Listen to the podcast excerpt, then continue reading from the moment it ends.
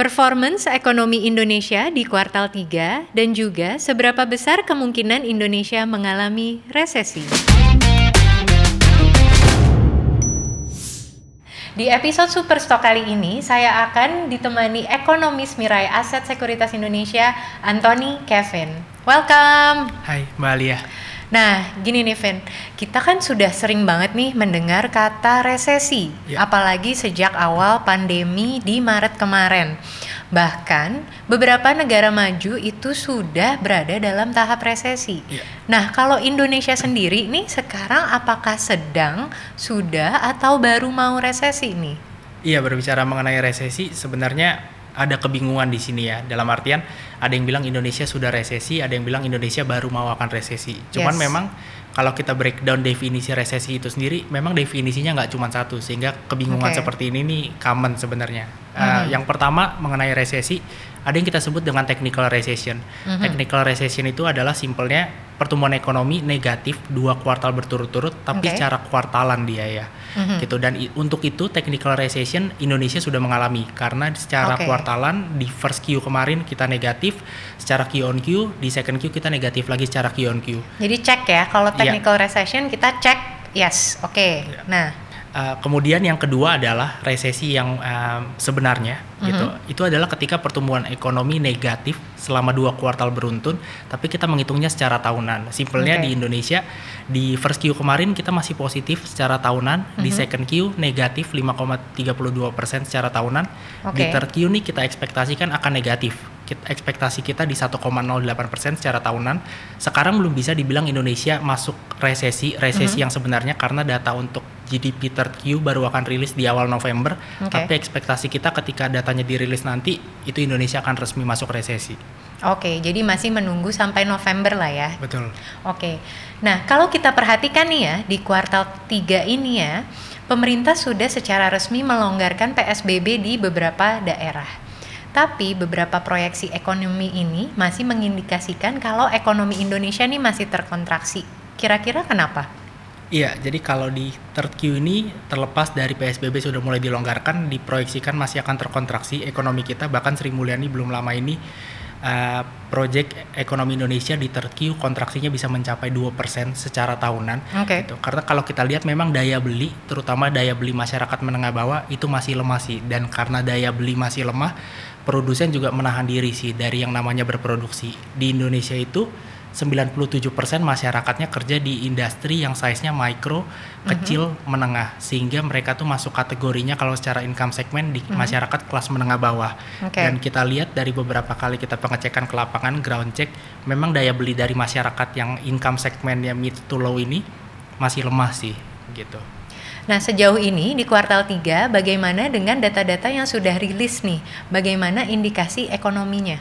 Ya, uh, so far kalau dari data untuk periode kuartal 3 yang sudah dirilis mungkin Juli ya karena Agustus September belum keluar. Okay. Kalau untuk bulan Juli memang kita lihat aktivitas ekonomi Indonesia masih cukup tertekan sih. Misalnya okay. dari aktivitas manufaktur di mana manufaktur sendiri mm -hmm. sumbangannya terhadap national GDP kita di 20 persenan seperlimanya. Mm -hmm itu masih terkontraksi. PMI masih di bawah 50. Okay. Kemudian kalau kita lihat dari sisi impor di bulan Juli itu juga impor dropnya 30% lebih. Jadi so far okay. nih datanya masih mengecewakan untuk yang kuartal 3 ya. Nah, tapi kan masih ada September nih. Ya. Bagaimana dengan sisa satu bulan di kuartal 3 ini? Iya, kalau kita lihat untuk Agustus yang datanya sebentar lagi akan mulai dirilis, untuk September juga kita lihat sih harusnya akan ada improvement, tapi okay. memang kita lihat improvementnya nih gradual. Kenapa kita expect ada improvement? Pertama karena memang PSBB nggak um, diper nggak dilonggarkan gitu ya, nggak mm -hmm. kembali dilonggarkan, tapi kan nggak diperketat juga at least.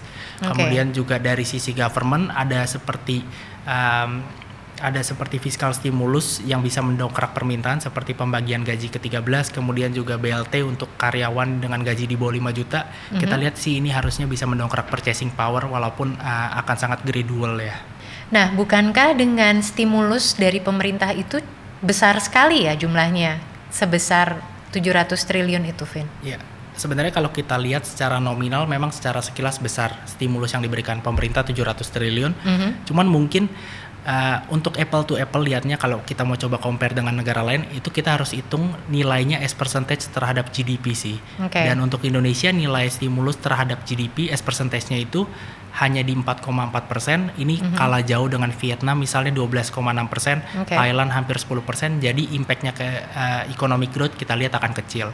Kemudian juga kalau kita coba breakdown nih dari 700 triliun, government nih alokasinya untuk apa aja sih kan gitu.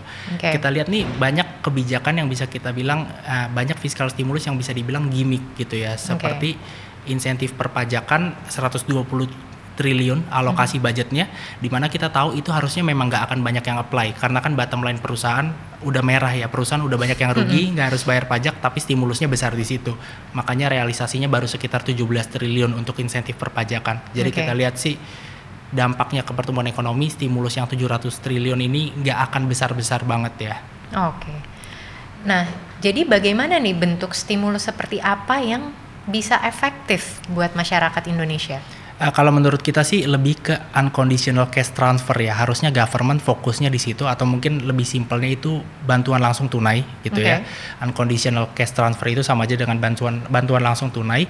Jadi masyarakat dikasih fresh money sama government. Mm-hmm. Menurut kita menurut kita ini impactnya akan besar sih ke perekonomian apa karena kan ketika government disburse bantuan langsung tunai mm-hmm. yang penerimanya adalah masyarakat kelas menengah bawah okay. dan mereka itu ketika dikasih uang sama government kecenderungan akan dispend balik sama mereka itu besar, akan oh, dibelanjakannya besar. Gitu. Jadi harusnya government nih fokus ke sini. Tapi so far government alokasi budget untuk BLT ya mm-hmm. baru sekitar 10% dari total budget uh, penanganan COVID-19 ya? ya yang 700T. Jadi masih kecil sih yeah. kita bilang. Jadi mestinya ada shifting allocation ya Betul. dari bantuan itu sendiri. Betul. Nah, itu tadi kita berbicara tentang stimulus. Nah, bagaimana sih dengan konsensus pertumbuhan ekonomi kuartal 3 sendiri? Uh, sejauh ini memang konsensusnya lebih bearish dari kita. Uh, okay. Kalau kita memang tadi uh, saya sempat mention, kita expect economic growth di third Q kontraksi sekitar satu persen sehingga akan masuk ke resesi Indonesia. Mm -hmm uh, kalau konsensus ekspektasinya adalah kontraksinya sebesar 2% secara tahunan di third okay. Q. Mm-hmm. Gitu. Uh, so far sih memang uh, kita masih confident akan ada recovery yang gradual di bulan Agustus dan September. Salah satunya mm-hmm. karena government udah mulai ada shifting dari fiscal stimulus tadi dari tax incentive misalnya dipindahin untuk budget BLT. Okay. Uh, tapi memang kalau misalnya datanya masih mengecewakan, kalau misalnya manufacturing PMI kita masih di bawah 50 misalnya, itu memang nggak menutup kemungkinan uh, economic growth di third Q masih akan terkontraksi lebih dari 2% itu ada kemungkinan ke situ memang. Nah, itu kan kalau kita berbicara tentang outlook. Sedangkan bagaimana nih dengan sentimen penggerak pasar saham Indonesia? Hal-hal apa sih yang bisa kita fokuskan? Iya, terkait dengan dalam jangka dekat gitu ya untuk pasar saham Indonesia memang ada beberapa sentimen yang bisa mempengaruhi kinerjanya. Pertama hmm. mungkin dari sisi global, itu kalau saya lihatnya lebih ke perkembangan terkait dengan penyebaran COVID-19 sendiri, kemudian juga dari perkembangan terkait usaha untuk menemukan vaksinnya karena mm -hmm. kalau misalnya developmentnya kurang bagus otomatis akan ada tekanan di pasar saham kita karena semua di eh, semua fundamental perekonomian performa stock market uh, dipengaruhinya signifikan dari perkembangan terkait dengan COVID-19 ini. Mm -hmm. Kemudian kalau dari dalam negeri uh, di tanggal 1 September itu akan ada rilis manufacturing PMI. Mm-hmm. Kalau misalnya datanya masih di bawah 50, masih terkontraksi, menurut kita ini akan ada pressures dalam uh, jangka waktu dekat sampai menengah untuk pasar saham Indonesia sih. Karena seperti tadi saya mention uh, kontribusi industri manufaktur ke total mm-hmm. national GDP kita itu di sekitar 20% cukup besar. Nah, kita bisa melihat ya closing market hari ini Jumat tanggal 28 Agustus 2020, IHSG ini masih berada di support 5300 nih ya Vin ya. Kira-kira angka pertumbuhan ekonomi di kuartal 4 dan keseluruhan tahun 2020 nih akan bergerak ke positif atau bagaimana nih? Iya, kalau berbicara mengenai uh, fourth Q, karena mm -hmm. kalau dalam beberapa waktu terakhir kita lihat performance dari stock market kita cukup oke okay, karena yes. memang ada ekspektasi yang kuat bahwa di fourth Q ini pertumbuhan ekonominya akan positif. Okay. Uh, kita juga melihat seperti itu dengan asumsi PSBB-nya ini akan dilonggarkan secara bertahap. Sekarang kan belum ya masih diperpanjang. Tapi okay. kalau dilonggarkan secara bertahap, kemudian dari sisi central government dis, uh, disbursement anggarannya juga terus membaik, kita lihat sih akan positif pertumbuhan ekonominya di uh, fourth Q secara tahunan dan ini akan menandai Indonesia keluar dari resesi. Jadi harusnya itu akan jadi good news untuk stock market Indonesia sih. Oke, masih tersenyum cerah lah ya yeah. sampai penghujung tahun ya. Yeah. Oke, wah makasih banyak nih ya Vin ya atas sharing updates dan informationnya. Semoga bisa membantu teman-teman dalam merencanakan strategi tradingnya ataupun investing.